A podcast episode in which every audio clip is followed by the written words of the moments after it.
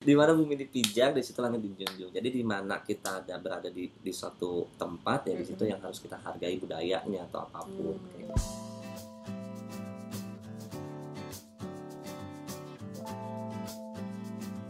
Halo Bobers, welcome to Taiwan Boba. Hai semua, welcome to Taiwan Boba, podcast yang ngomongin segala sesuatu tentang di Taiwan ataupun di Indonesia. Nah, kali ini kita spesial banget kedatangan orang jauh-jauh dari Indo ke Taiwan buat kerja di Taiwan. Nah, jarang banget kan kita dengar orang ekspat dari Indo ke Taiwan. Yuk kita kenalan dulu sama siapa nih? halo teman-teman Taiwan Boba ya Iya, oke Bobaers. Bobas Oh. oke ada sebutannya juga Bobas Iya. hmm, apa nih Namanya oh, siapa? oke nama saya Zaki Faisal sering disebut biasanya emang uh, Zaki Oke. populer terkenalnya disebut Zaki saya dari Indonesia kebetulan sekarang kerja di Taiwan kayak gitu Oh, kerja di Taiwan. Udah berapa lama nih? kita mau jalan satu setengah tahun Satu setengah tahun.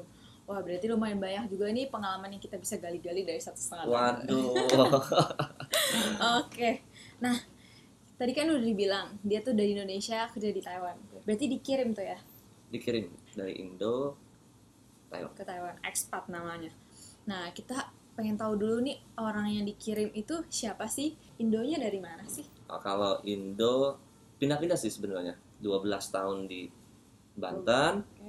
6 tahun di Bogor lanjut kuliah 4 tahun di Purwokerto Oh, pindah-pindah terus pindah-pindah ya. Banten Jawa Barat Jawa Tengah Berarti kalau ditanya orang mana? orang Jawa Barat orang Jawa Barat. Sunda Sunda ya Sunda, tempatnya Sunda. Sunda Oke oke. Boleh ceritain nggak ki- flashback kehidupan SMA, kuliah tuh kayak gimana sih? Hmm, kalau misalkan es eh, sebenarnya dulu mulai-mulai ngerasain remaja itu mulai-mulai namanya anak cowok ya mulai-mulai Bandel. Iya, mulai-mulai agak bandel, agak ya selengean segala macam itu mulai SMP. Jadi tepatnya pas sudah di Bogor tuh, mulai SMP udah mulai-mulai kebentuk agak bandel-bandel, bandel yang namanya cowok nongkrong-nongkrong. Tapi menurut aku itu masih hal yang wajar ya. Maksudnya masih mencari jati diri kita Hmm. tuh sebagai laki-laki eh, arahnya ke mana kayak gitu.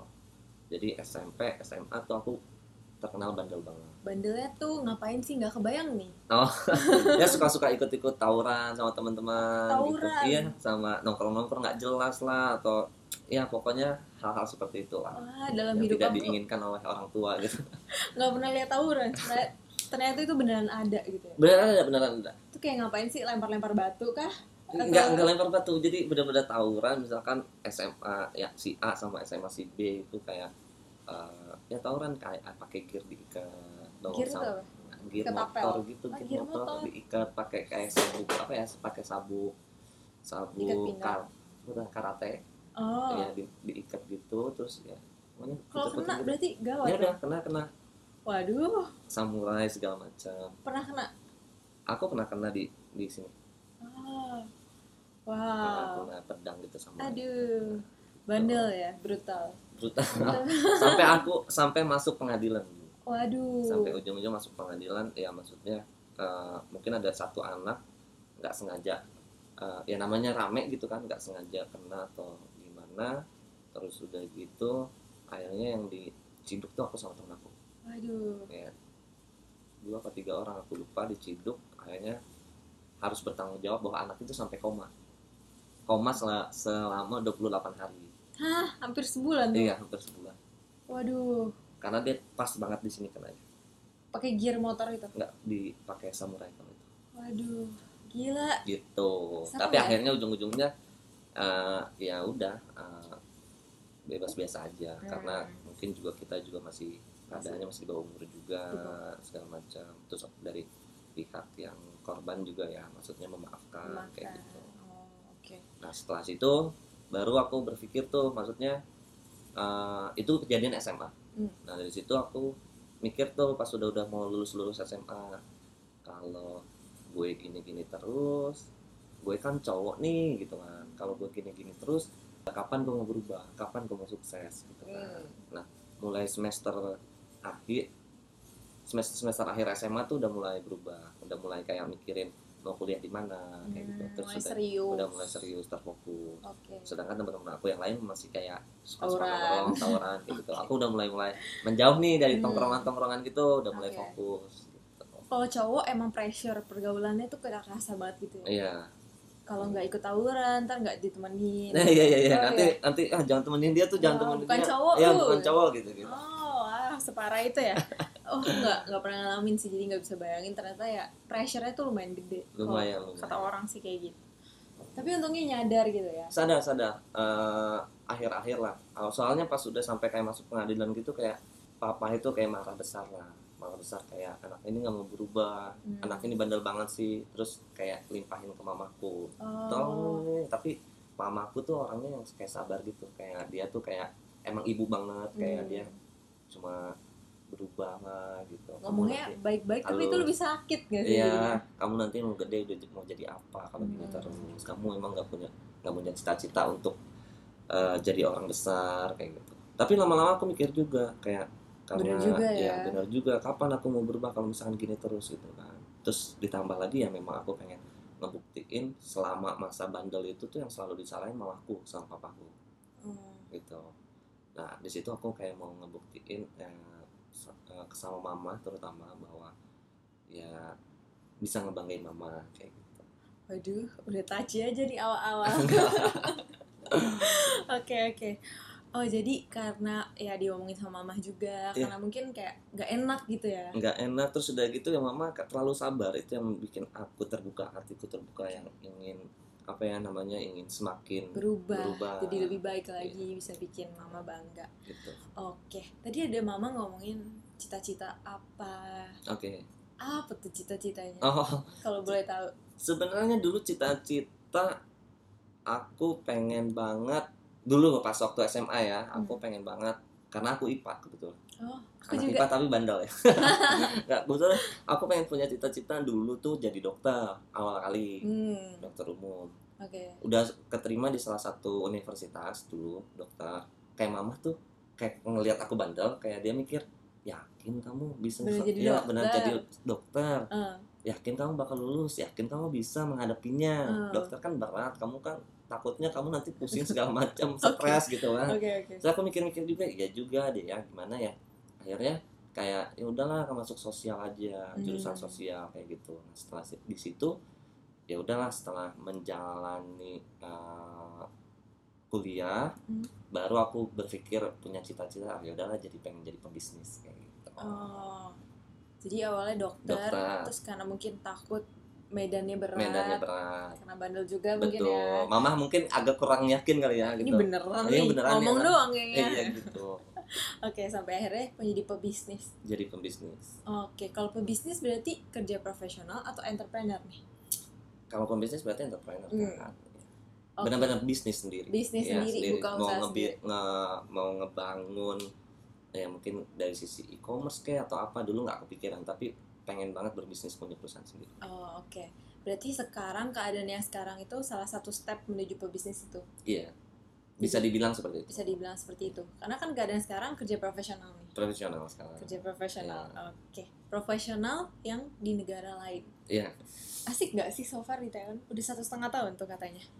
kalau dibilang asik asik sih asik Eh, negaranya mungkin sama Indo aku juga ya bisa dikatakan Taiwan lebih aman lebih safe lebih Hmm. safety ya Hmm. terus udah gitu di sini orang-orangnya kayak lebih sopan terus lebih ya sebenarnya kerja di Taiwan enak gitu. Hmm, Gimana sih caranya bisa masuk ke perusahaan ini dan dikirim ke sini? Oh oke jadi setelah aku lulus SMA eh lulus SMA masuk kuliah dulu kan jurusannya kebetulan kan eh, ekonomi Oke. ekonomi pembangunan setelah lulus memang eh, aku punya cita-cita eh pengen pengen banget cit- eh, jadi ini ya pengusaha gitu Hmm. eh, entrepreneur kan. tapi ya nggak bisa mulai sembarangan gitu aja kan Modal. ya modal dan lain-lain gitu. Hmm, setelah aku lulus kuliah berarti kan aku jadi job seeker dong Oke. ya kan di situ aku nggak nggak milih-milih perusahaan mana hmm. jadi semua lowongan yang kerja eh lowongan pekerjaan yang buka di Hmm. Indonesia itu aku apply semua Ingat gak berapa berapa perusahaan tuh? Berapa perusahaan ya satu dua tiga lima belasan kayaknya Oh, tapi tiap bulan berbeda misalkan di uh, misalkan katakan bulan 6 ada tiga perusahaan yang buka ya aku masukin semua tuh Hmm, ada ada bulan berikutnya ada berapa aku masukin semua oke. dan semuanya aku ikutin nggak pilih-pilih mau ada perusahaan itu yang ada programnya mau yang biasa aja Oke. gitu aku apply semua kayak Oh, gitu tapi harapan dari orang tua pengennya kalau bisa kamu masuk BUMN Oke. gitu. Emang ada pride tersendiri gitu ya kalau Apanya? masuk BUMN? Eh, aku kan tadi bilang aku pengen ngebanggain Banggain. ya Mama untuk pas karena dia udah sabar sama aku aku Hmm. pengen buktiin bahwa ya kesabaran mama ini selama ini ya pengen aku buktiin Hmm. gitu. Oh, jadi kayak karena mama jadi ya udah kerja jadi mimpi Iya lah jadi ya. ya udahlah mama pengen apa ikutin kayak Oke, gitu oke. sebenarnya kalau aku kalau misalkan kayak mau kerja di mana aja It's aku okay. ya it's okay dulu pas lulus kuliah ya udah apply makanya eh, setiap perusahaan buka aku apply Ah, oke. aku ekonomi terus ada perusahaan kayak eh, konstruksi gitu Oke. aku apply juga Oke. mau apa pun itu aku apply pokoknya Hmm. aku apply semua Hmm, yang gitu. penting dapat kerja dulu. yang penting dapat kerja dulu Oh. Kalau boleh tahu dari lulus sampai dapat kerja berapa lama? dari lulus aku lulus masih ingat bulan September Mm-mm. bulan September Oktober November Desember aku masih di Purwokerto jadi Oke. tiga bulan itu aku ngabisin waktu sama teman-teman di Oke, sana uh-uh. Habis tahun baru aku baru pulang ke Bogor Hmm, berarti Januari baru tuh pulang ke Bogor Agustus 8 bulan 8 bulan kosong. Oh. karena ada proses juga kebetulan Hmm. yang aku ikutin ini satu program waktu itu namanya uh, program rookie kayak Oke. gitu jadi Hmm. program di mana dia ingin mendorong anak-anak muda untuk menjadi leader masa depan tahapannya banyak tuh ada beberapa tahap jadi pertama uh, isi aplikasi dulu eh di, uh, di platformnya gitu Hmm. Oke. kan di online terus nanti disaring lagi ada kalau nggak salah ada 8 tahap gitu kalau Wow. nggak salah jadi makan waktu Hmm. setiap pengumuman itu diumumin uh, Siapa yang lolos? Iya, siapa yang lolos itu dua minggu tiga minggu, jadi Oh. hampir satu bulan pengumumannya.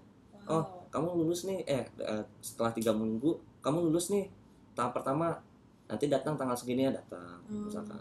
Ntar setelah kita selesai yang tahap kedua itu diumuminnya dua minggu lagi atau tiga minggu, lupa aku. Pokoknya sampai 8 bulan itu. Wow. Gitu. Tapi menunggu menunggu 8 bulan itu gak sia-sia ya? Nggak sia-sia, tapi memang eh, apa dari situ tuh bikin galau juga, ada galau juga. Karena kan di- aku bilang tadi kan nggak apply satu perusahaan doang. Hmm. Jadi ada beberapa perusahaan juga yang kadang ketika aku udah ada panggilan di perusahaan yang B, Hmm. aku pilih bingung nih. Iya. Sedangkan yang B udah mau sampai sini gitu kan. Hmm. Tapi tetap aku minta saran dari orang tua ya udahlah ikutin yang yang yang yang tadi mama pengen Iya, yang BUMN yang udah BUMN. aku ikuti. Wah galau-galau itu aku ngerti juga sih. Iya. Sekarang soalnya lagi cari intern kan. Oke, Kayak ya nggak cuma apply satu juga gitu, apply banyak. banyak. Terus kayak yang ini di- tiba-tiba udah dikabarin diterima lagi, tapi kayak aduh masih galau-galau. Iya kan? Pernah udah berarti Pernah merasakan. pernah itu nggak enak banget Gak sih. enak banget kan. Aduh, apalagi digantungin sama company. Terus nanti kalau misalkan aku udah pilih korban nih misalkan, Hmm. aku nggak nggak tahu-tahu nggak keterima gimana? ya kan? Ya Iya. itu yang bikin galau. Iya kayak bener gitu. sih. Ya cuman pilih dulu lah ya yang terbaik. Pilih dulu yang terbaik. Ya hidup itu emang pilihan. Iya. Ya mau jalanin aja lah. gitu. Iya. Tapi untungnya ya keterima gitu ya. keterima untungnya. Untungnya sih bersyukurnya keterima. Hmm. Mungkin doa dari orang tua juga, dari Oh, ibu ya terutama, oke. doa dari mama juga. Jadi bisa masuk ke BUMN. Iya, Kalau tahu boleh tahu di industri apa ya? perbankan Perbankan. Berarti dari ekonomi ke perbankan nyambung lah ya. nyambung lah, Hmm, perbankan. Terus kerja di Jakarta berapa lama sebelum ke Taiwan? Sebelum ke Taiwan, Hmm. nah ini cerita menarik juga nih. Oke, betul. Jadi aku masuk Agustus itu 2017 udah mulai, udah mulai kayak pelatihan dulu. Hmm. Jadi training dulu di training kayak tapi isinya cuma kelas-kelas doang Oke. tentang perbankan, tentang apa pokoknya kelas. Itu selama enam bulan Oke. ya jadi kita dididik di kelas dulu selama enam bulan Tapi itu digaji. Digaji. Oh, lumayan ya. Ya, Kelas gratis kelas digaji. gratis digaji. Programnya seperti itu. Oke. tiga bulan apa enam bulan aku lupa. Setelah itu turunlah eh, namanya OJT setelah kelas selesai turun namanya OJT on job training. Jadi eh, kita dibagi satu angkatan satu batch aku itu ada 25 orang. Nah setiap 25 itu dibagi-bagi nih masing-masing divisi nih. Si Hmm. A ke divisi apa si B ke divisi apa. Tapi Hmm. masing-masing teman-temanku tuh berpasangan ada yang berdua bertiga berempat. Nah aku sendiri nih Di divisi. bingung aku di divisi internasional Oh. sedangkan ada temen aku lulusan Singapura yang dia nggak masuk divisi internasional Hmm. dia sampai bingung kok lu bisa masuk divisi internasional jadi kayak aku coba tanya sama Atasnya, aja oke. ya human resource-nya aja gitu kan human capitalnya SDM-nya gitu Hmm. akhirnya dia sampai kayak bingung kenapa aku bisa masuk divisi internasional padahal aku cuma lulusan di Jawa doang Negeri gitu, gitu ya, di Indo. Indo gitu Terus jawabannya ada nggak? Aku sebenarnya nggak tahu juga ya sampai sekarang itu kan yang menentukan SDM ya Oke. divisi SDM aku nggak bertanya juga apa atas dasar apa pilih aku Hmm. cuma ketika aku dapat ya aku kerjain aja Hmm. sesuai dengan uh, ya SOP standar kerja Kadang nggak ngerti ya kenapa, kenapa. benar-benar kenapa kenapa kita Kan nggak ada yang lebih bagus misalkan iya gitu iya kita betul betul kita ya. Tapi kok kita yang dapet iya gitu. gitu Ya bingung juga tapi kayak ya bersyukur aja sih iya bersyukur kita jalanin aja jalanin kan dengan baik. masuk di situ uh, setelah on, ya on job training barulah diangkat pegawai tetap itu Februari 2018 Dari Agustus. Ya. Oke. Ya lumayan ada waktu. Berarti abis training itu belum tentu jadi pegawai tetap ya? waktu itu kan kita programnya ya kalau di Indonesia itu kalau misalkan kamu nggak ini Nggak perform? ya nggak perform atau nggak eh, pokoknya kurang baik mungkin di eh, programnya akan dipindahin dulu ke OJT di eh, divisi lain kalau masih nggak cocok juga keluar jadi ada Hmm. satu temanku juga yang Keluar. bukan temanku eh, di atas eh, seniorku Oke. dulu kebetulan dia lagi OJT juga di internasional juga tapi dia malah nggak Nggak perform. nggak perform terus akhirnya dia nggak bisa ngelanjutin di perusahaan Oke, itu berarti emang jago yang ini ya. enggak Oh, Nggak jago. pokoknya dikasih kepercayaan, jalan dengan jalanin baik. dengan Oke, baik Jadi sampai abis itu ditanya mau ke Taiwan nggak? Gitu. sampai setelah jadi eh, Februari terus udah gitu eh, ada intinya ada bos aku ya pak pemimpin di- divisi yang emang dia pemikirannya lebih out of the box ya lebih Oke. anak muda banget terus udah gitu dia pengen cobalah sekali sekali dicoba nih anak muda yang diberangkatkan ke luar negeri ini kayak gimana hasilnya kayak gitu Hmm. terus tiba-tiba ya kebetulan akulah yang ditunjuk sebenarnya di situ aku juga jadi ngerasa nggak enak sama senior senior sekitar gitu kenapa aku yang bisa ditunjuk Eh, eh, eh. itu yang bikin bikin dulu pernah ada pro dan kontra juga Oh, di galau diri sendiri juga ya. kalau diri sendiri juga cuma di situ eh, kayak bos aku tuh kayak ini aku Percaya. kayak apa eh, nenangin aku kayak kalau emang ini rezeki lo mau ada orang hadang sebesar Gimana? apa pun gimana pun ya ini lu pasti berangkat Saat itu umur berapa tuh? saat itu 24 24. Wow, 24 terus dikirim ke luar negeri. Itu pertama kali ke luar negeri untuk bekerja berarti ya? Iya. Kan pertama kali kerja juga Iya, pertama kali kerja ya benar. iya, iya. Wah, oke. Kita bahas balik lagi ke kerja di Jakarta dan di Mm-mm. Taipei. Berarti kemarin udah pernah kerja di Jakarta kan? kemarin udah mulai kerja Kan dua-duanya sama-sama ibu kota. ibu kota Hmm. capital city ya Bedanya tuh gimana? Kalau di bagian sisi transportasi deh, commute, commute. oke kalau misalkan di sisi transportasi ya jangan ditanya lah Jakarta crowded banget ya ke mana-mana susah macet banget kayak misalkan dari Sudirman ke ke SCBD pun eh, eh Sudirman ke Tamrin itu yang deket Hmm. itu bisa sampai 45 menit satu jam kayak Macet gitu. sih. macetnya macet Apalagi banget. kalau apalagi pulang kerja Pulang kerja. waduh itu udah kayak lagi peak hour itu benar-benar kayak benar-benar nggak bisa stuck gitu apalagi Prambors aja ya. betul itu yang terkenal yang terkenal ya gitu kalau di Taiwan memang ada juga jam ker- eh, jam pulang kerja macet juga cuma nggak separah Jakarta Hmm. terus ditambah lagi mungkin kalau di Jakarta kita mau pakai eh, transportasi umum pun juga agak mikir dua kali juga Hmm. karena mungkin nggak terintegrasi satu sama lain ya bedanya kalau di Tai- di Taiwan kalau kita pakai transportasi umum MRT semua kekonek kan Hmm, daerah A hmm. distrik A sama distrik B hmm. atau naik bis juga mungkin terkonek juga Iya, kalau di eh, Jakarta apalagi aku tinggal di Bogor itu ada namanya bukan M- MRT KRL Hmm. Kereta. kereta komuter lain kalau nggak salah ya. Oke. dulu belum ada MRT sekarang sih udah ada ya Hmm. tapi MRT-nya cuma sampai Lebak Bulus doang Iya, gitu nggak kan. nyampe daerahku. nggak bahkan. nyampe kan Hmm. gitu nah intinya transportasinya ya belum ter Belum fangpian. ya belum fangpian Iya. Nah, belum belum inilah belum terintegrasi Oh, satu oke. sama lain Kalau dari sini ke dari transport dari kantor ke rumah itu jauh. Deket, deket sih deket. naik jembatan doang Oh, naik jembatan. Iya, deket. Kalau misalnya makanan gimana makanan?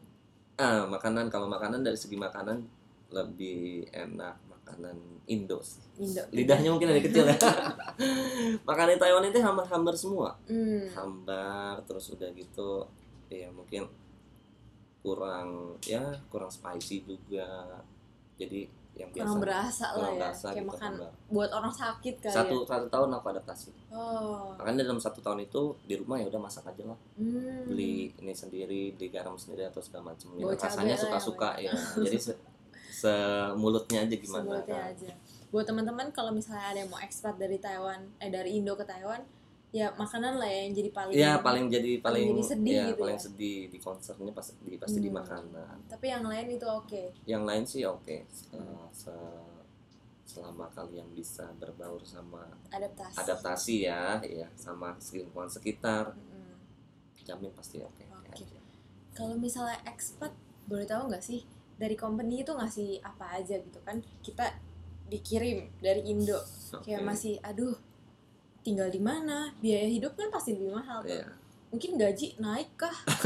Atau kayak ini pertanyaannya Indo? mau tanya gaji apa gimana nih Bukan nanya gaji, cuman kalau jadi orang Indo biasa, misalnya kerja di Indo, Oke. sama di ekspat itu sama enggak? Terus oh beda biaya hidupnya ditanggung atau kayak kita harus keluar lagi kan jadinya juga rugi gitu. Oke. Gimana? kalau dari segi apa dulu nih dari biaya ya Dapat apa aja lah kalau dari Oke, Indo? kalau dari Indo ke Taiwan ya dapat dapat dikasih uh, fasilitas dari kantor juga kayak uh, rumah itu udah tempat tinggal. tempat tinggal itu udah dari kantor Oke. terus ada transportasi juga Mm-mm. itu udah dari kantor juga Dalam bentuk mobil mobil. Iya. Kirain tiket yoyoka untuk all pass gitu. Mobil. ada Oke. terus uh, apalagi uh, biaya-biaya lainnya juga ada kayak Hmm. gitu jadi kita Kayak bensin, ya kayak kita, kita- parkir. betul kita jadi kayak terima ya udah uang gaji Hmm, uang gaji Uang kayak living cost juga.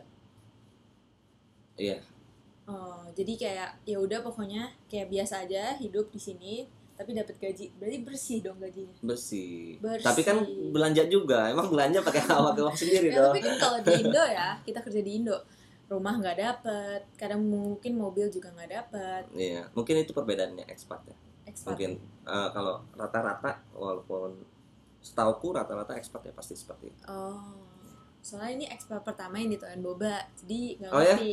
Jadi silakan kasih info banyak-banyak supaya menambah pengetahuan iya iya saya. iya terus udah gitu ya pasti yang jelas ya gajinya juga naik Hmm. kan Jen ada Signifikan. gaji signifikan banget Wah, asik tuh.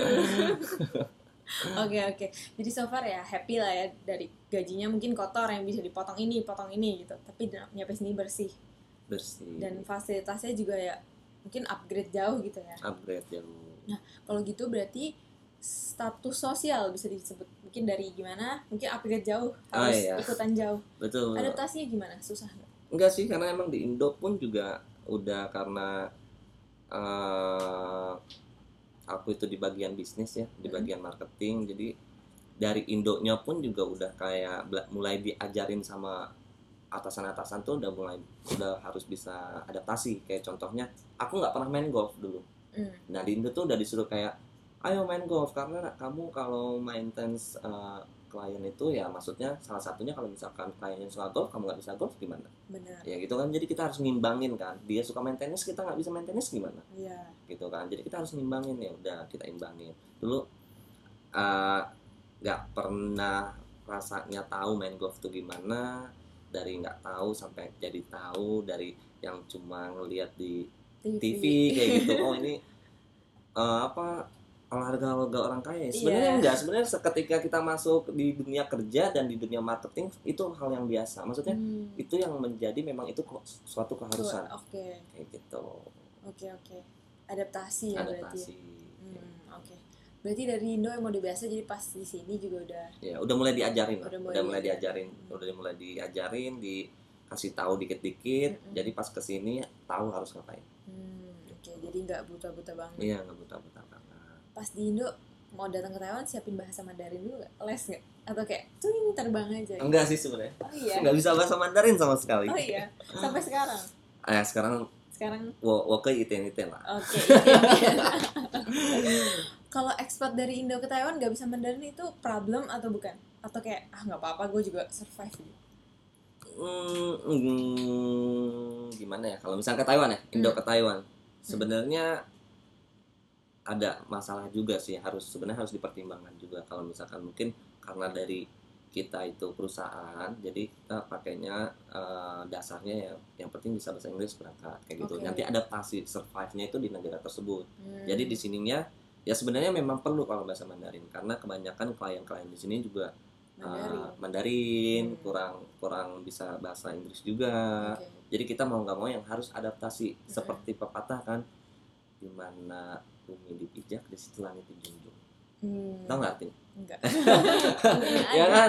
Di mana bumi dipijak di situ langit dijunjung. Jadi di mana kita ada berada di di suatu tempat ya di situ Mhm. yang harus kita hargai budayanya atau apa pun Hmm. kayak gitu. Ya intinya menjadi seorang ekspat berarti adaptasi. Adaptasi kalau menurutku ya harus bisa adaptasi bisa apa uh, komunikasi kayak Oke. gitu bisa yang ter yang yang paling terpenting nih menurut aku respect respect respect sama sama Sekeliling. semuanya sekeliling Hmm, oke. jadi uh, uh, kamu kalau misalkan mau jadi expert kalau kamu nggak bisa respect sama orang percuma Hmm. kayak gitu jadi kayak contoh uh, kan ada aja orang yang strict ya Hmm. sebenarnya nggak baik sih strict itu. konservatif Iya, gitu ya konservatif. Jadi nggak baik sebenarnya jadi eh, orang seperti itu. Jadi dia nantinya agak susah untuk menghargai pendapat orang Hmm. atau agak susah untuk beradaptasi dengan orang kayak Hmm. gitu karena dia nggak punya rasa respect sama harus wawasan luas lah ya gitu. kayak gitu. oke oke jadi so far kehidupan di sini sih enak-enak aja gitu ya Enak-enak aja enak. ada nggak hal yang kayak paling sedih atau paling memorable gitu oh kalau nggak ada ini kayak gue nggak bisa nih sampai tahap ini atau kayak aduh sedih banget di Taiwan ekspat kok kayak gini kehidupannya gitu. Ini sedih ketika udah jadi expat atau sedih eh, sebelum jadi expat? saat di Taiwan Oh, jadi saat di expat. Taiwan. Sedih ya. Sebenarnya nggak terlalu banyak hal yang menyedihkan buatku. Karena mungkin rata-rata cowok pasti ya ketika ada masalah ya jalan-jalin aja gitu kan. Hmm. Mau baik itu masalah dari uh, kerjaan atau ke- dari keluarga atau dari apa ya, kamu jalanin aja gitu. Tapi kalau dibilang ya aku sedih aja jauh dari orang tua. Udah Oke. lama nggak ketemu orang tua, adik-adikku, kakakku kayak oke. gitu. Itu aja sih sebenarnya. jadi itu pengorbanan yang paling Iya, yang pengorbanan yang paling menurut aku itu ada misalkan di ha- hari-hari tertentu, hari raya atau hari apa pun yang seharusnya aku bisa pulang kumpul sama keluarga, aku nggak bisa itu aku korbankan. hmm, Ya demi pekerjaan ini mau nggak mau karena iya, kan iya. aku harus loyal juga sama perusahaanku ini. Hmm. Terus kayak mama sama papa pun kayak bilang ya udah pentingin aja dulu eh, kerjaan kamu. Mama di sini sama keluarga dan yang lain baik-baik aja ya support. Hmm, ya apa support dari keluarga penting banget sih Penting banget. kalau yang paling bahagia nggak bisa dilupain paling bahagia nggak bisa dilupain apa ya paling bahagia nggak bisa dilupain hmm, ya jadi ekspat sih nggak bisa dilupain ya. Oh, karena hidup aku pertama jadi ekspat dan uh, pengalaman pertama kebanggaan tersendiri ya itu yang akan bisa aku lupain hmm, even nanti ke depannya aku udah nggak kerja lagi di uh, perusahaan ini ya tapi ini yang membuat aku jiwa aku kebentuk karakter aku kebentuk itu dari sini Hmm. pelajaran yang bisa diambil karena jadi ekspat tuh yang tadi aku bilang kita harus bisa uh, uh, budaya baru ya kita Budaya. orang Indonesia Iya. datang ke Taiwan kita harus bisa adaptasi dengan orang-orang Taiwanese lah. Mereka nggak mau disebut Chinese kan? Maunya Hmm, Taiwanese kan? benar. Kita adaptasi dengan orang-orang Taiwanese seperti apa budayanya itu yang yang pelajaran paling berharga. Fleksibel juga ya. Jadi kebentuk karakternya di sini. Betul. Wah mantap. Dari umur muda juga tuh 24 dikirim kita harus ya, tapi masih bagus sih masih muda. Jadi mungkin bisa lebih gampang dibentuk. Coba kalau udah tua dikirim mungkin dia lebih konservatif gitu mungkin ya karena yang sebelum-sebelumnya selalu yang lebih tua dari aku Hmm. wow jadi ini ekspat termuda yang dikirim perusahaannya bisa dibilang seperti itu wow Ekspat termuda. jadi eh, nyesel nggak dikirim awalnya sebenarnya aku nggak pernah tahu eh, karena aku tahunya Taiwan itu sama China itu sama ya Oke. jadi pas dikirim ke eh, Taiwan oh Taiwan tuh kayaknya punya Cina deh gitu kan saat Oke, karena oke. pikiran aku kayak gitu kan terus udah gitu kalau China bisa-bisa orang iya orang-orangnya jorok segala macam ya Kak. aku oke. dengar kan eh, di iya, mainland itu benar-benar terkenalnya gitu. kayak kasar orangnya kayak gitu kan terus udah gitu ketika aku sampai eh, ya udah yang namanya aku bilang kan kerja ya kerja aja nyampe di bandara ini negara apa ya gitu karena dari segi bangunan tuh eh, turun dari pesawat itu ngelihat dari bangun-bangunan aja sama Jakarta lebih maju Jakarta Oh, kelihatan kan iya, iya. gitu kayak Tua, di kuno sini sih. tua-tua kuno-kuno kayak gitu awalnya ya itulah yang harus kita adaptasi dari eh, budaya mereka juga kan Hmm. terus udah gitu setelah nyampe oh oke Taiwan seperti ini ternyata bersih beda dari yang aku pikirkan Oke. gitu kan jadi yang tadinya sebelumnya aku mikir eh, Taiwan itu jorok kasar dan lain-lain ternyata dia beda dengan China Hmm. dan bersih segala macam apa bersih rapih lah orang-orangnya Hmm. kayak benar-benar sopan juga kayak gitu ya, seperti itu yang aku tangkap. Butuh waktu berapa lama tuh buat nyadar? Oh, gue di Taiwan sekarang. Udah harus berubah cepat sih cepat. iya Ah, nggak lama mungkin sebulan. hitungan ah, ya, mungkin hitungan satu bulan Oke. Nggak lama Jadi adaptasi kayak oh real, ini udah di Taiwan sebulan. iya real adaptasi makanannya setahun. adaptasi makanannya se- setahun Oke, ya susah sih. susah hambar banget Mm, mungkin orang Indo itu yang bakal agak susah sama orang Indo ketika ke Taiwan tuh makanan soal Hmm, makanan Oke oke. tapi eh, pas aku ada perpanjang visa pulang tuh waktu itu ke Indo Hmm. biasa yang aku biasa makan kantin dekat kantor itu minuman yang sama jadi keasinan jadi Kemanisan. kemanisan gitu luar biasa berarti Indo ini parah banget ya tingkat kadar manis sama kadar kadar garamnya gitu, Bener-bener setuju. Gitu. iya Bahkan bener. makanan rumah aku aja yang dulu kayak oh ini kurang asin gitu. iya Jadi ke- keasinan banget. makanya eh, ada sisi positifnya juga Hmm, kan Lebih sehat demi ya. sehat Nah, gitu. mantap mantap mantap. Nah sekarang kita mau main jawab cepat. Harus eh, nggak boleh lama-lama ya kan namanya Oke. juga jawab cepat. Aku per- aku tanya, oke pilih Indo atau Taiwan? Indo Pilih Indo atau Taiwan buat kerja? Taiwan Ini. pilih nikah atau naik jabatan? nikah Oh, jadi kalau misalnya kalau misalkan kamu naik jabatan sampai puncak tertinggi tapi kamu nggak punya pasangan hidup buat apa betul, nggak bisa berbagi. nggak ya? bisa berbagi Oke. Pilih karir atau family? family Family. yes Menetap atau pindah-pindah? pindah-pindah Pindah-pindah. Nah, ya. Oh, berarti nanti kalau udah nikah atau segala macam bawa lah pasangannya itu ke mana-mana.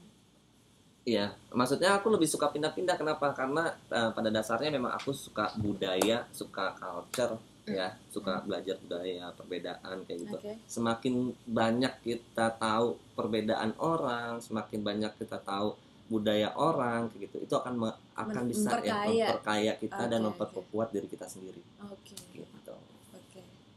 Pakai gear motor atau samurai? Samurai. Aduh, nih pertanyaannya.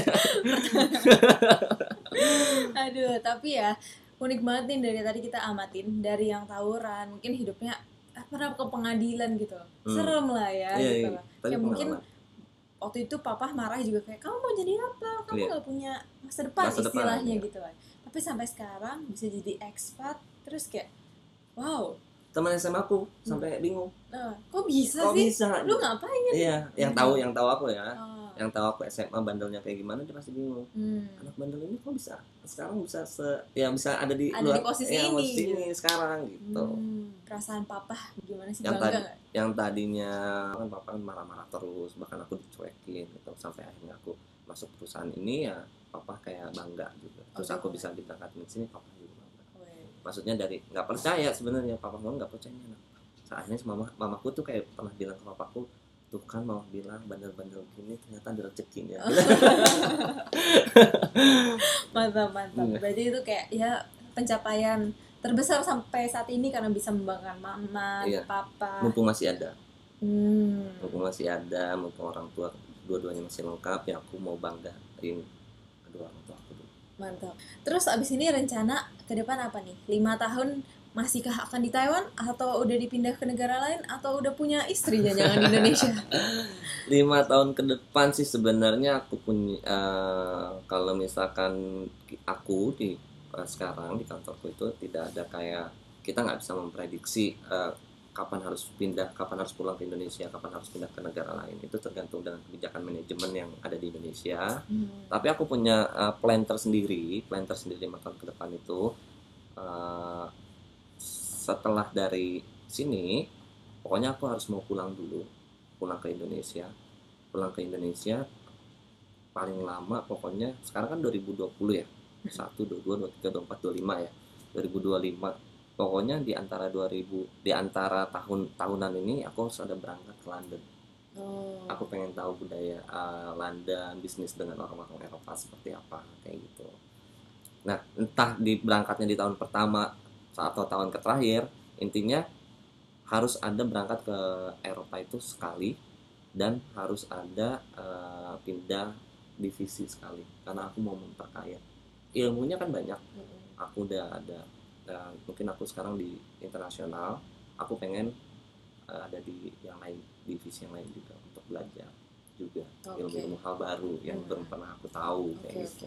Ya dibentuk lagi di negara baru memperkaya pengetahuan. betul tapi kalau misalkan nanti pulang kita bisa lihat uh, kayak gitu-gitu aja nggak ada perkembangan ya mungkin di situlah baru mulai menjadi entrepreneur Woi, jadi tunggu waktu yang pas. tunggu waktu gitu yang ya. pas ya Oke oke Gitu. mantap. Nah terakhir nih ada mau ngomong apa nggak sama Bobars mungkin ya yang pengen jadi expat juga, mungkin yang kayak masih bingung gimana ya abis ini mau ke mana gitu dan mungkin mungkin juga teman-teman yang kayak aduh hidup gue ancur banget nih gue nakal banget kayak gue nggak ada masa depan Hmm. hal-hal apa sih yang harus dipersiapin supaya at least bisa jadi sukses gitu Oh, Oke, ini buat teman-teman ya pesan dari aku tersendiri bahwa jangan pernah menjadi orang idealis. Harus bisa open minded, harus bisa juga respect sama yang semua orang ya lingkungan sekitar. Itu yang ter- terutama sih menurut aku. Terus jangan pantang menyerah juga. Kadang kan ada orang yang maksudnya dia itu punya passion di ah, gue lulusan mesin nih misalkan atau gue lulusan perminyakan nih gue pengen masuknya perminyakan aja gitu jangan sampai kayak gitu karena takutnya kalau terfokus satu aja opportunity, yang lain opportunity yang lain bisa. nggak bisa kayak Oke. gitu karena kan rezeki udah ada yang ngatur Hmm. Tuhan itu udah eh, ngatur rezeki kalian jadi kalian tinggal kalian lah yang mencarinya kalian ya yang harus bisa gerak ke sana ke sini Hmm. kayak gitu jadi apa pun itu bidangnya kamu lulusan mana pun jangan terpaku dengan satu itu dulu kalau Hmm. untuk pertama kali lulus ya Hmm, oke jadi kamu open Ya, lah open ya lah for gitu. any opportunities. Yes kayak gitu. Berarti mantap mantap. Terus hal apa aja nih yang harus dipersiapin? Yang dipersiapin? Belajar dengan baik kah? Atau kayak jangan bandel atau kenalan sama orang banyak? Yang penting ini aja sih kalau yang dipersiapkan. Persiapkan mental terus juga persiapkan juga eh, sebenarnya belum eh, tidak menentu kalau aku pribadi ya. Ini pengalaman aku pribadi eh, orang pintar itu belum tentu sukses kok. Itu pen- penilaian aku pribadi yang benar-benar aku rasain di eh, dunia kerja nyata oke. Jadi eh, bukan berarti aku mengajarkan kalian usah pintar. Enggak bukan. Iya iya iya. Bukan bukan bukan. Tapi maksudnya aku juga mau ngasih tahu bahwa eh, buat teman-teman ya maksudnya jangan sampai eh, pantang menyerah atau jangan sampai eh, kecil hati bahwa aduh gua nggak punya kemampuan apa-apa nih gua nggak punya gue gini-gini aja. Gue kuliah juga nggak nggak pintar-pintar amat kok kampus gue jelek kok jangan pernah seperti itu jangan pernah mikir seperti itu. Intinya yang harus dipersiapkan mental kalian harus dikuatin terus udah gitu ya tetap semangat lah intinya tetap semangat jangan putus menyerah jangan pantang menyerah. Apa pun harus dicoba jatuh bangun lagi jatuh bangun lagi jatuh bangun lagi oke mental berarti. mental paling terpenting Wah, makasih banget hari ini udah jadi guest Taiwan Boba, expert pertama di Taiwan Boba. Belajar banyak banget sih, apalagi kayak mungkin aku bisa ambilnya gini deh. Kita kalau jadi orang mungkin jangan jadi kayak balok gitu yang kaku, nggak bisa dibentuk. Tapi kita jadi air mungkin yang kayak bisa masuk mana aja. Jadi kalau ada opportunity di mana bisa sampai ke situ. betul Nah, banget Thank you banget Kak Zaki buat hari ini. sama-sama All the best buat ke depannya. Semoga juga Sama-sama. bisa terus naik naik naik dan jangan dilupain ya Taiwan Boba. Amin. Pasti Taiwan Bobabers ya. Bobabers ya. Bobars. Boba Bobabers. Oke, segini dulu episode kita kali ini. Till next time, Bobers. Bye.